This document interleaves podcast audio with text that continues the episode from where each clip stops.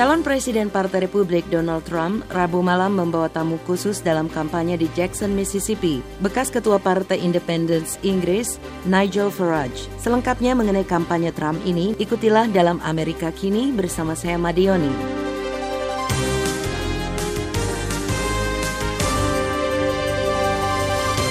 Despite so many obstacles, ladies and gentlemen, Mr.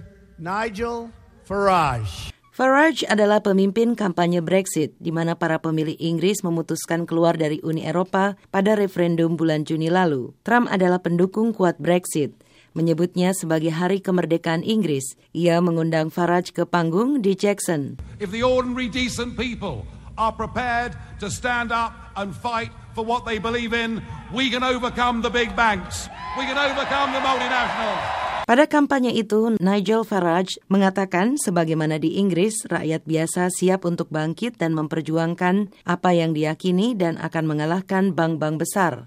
Trump mengatakan sudah saatnya Amerika menyatakan kemerdekaannya dari apa yang disebutnya pengawasan korporasi pemerintah, kepentingan khusus dan sistem yang cacat. It won't be for the special interests that put up all of that Hillary money, and it won't be for the failed politicians. It will be a victory for you.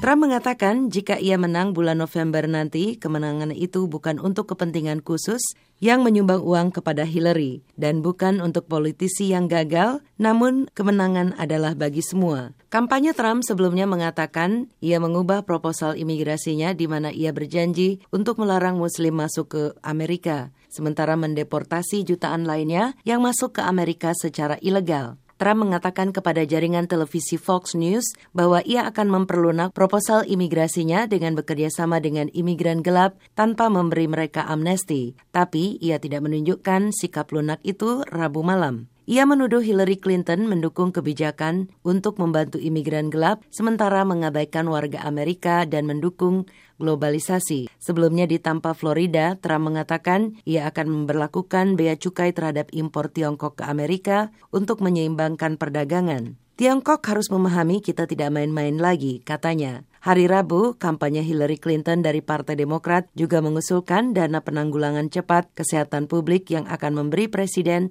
kewenangan untuk mengeluarkan jutaan dolar secepatnya guna menangani situasi darurat kesehatan tanpa harus menunggu persetujuan Kongres untuk memperoleh dana itu. Partai Demokrat sebelumnya mengeluh Partai Republik melakukan reses musim panas tanpa menyetujui dana jutaan dolar yang diinginkan Gedung Putih untuk memerangi perbakan Sika. Sika muncul di Florida dan pakar kesehatan federal memperingatkan bahwa negara bagian teluk yang bercuaca panas di mana nyamuk berkembang biak bisa menjadi tempat perbakan.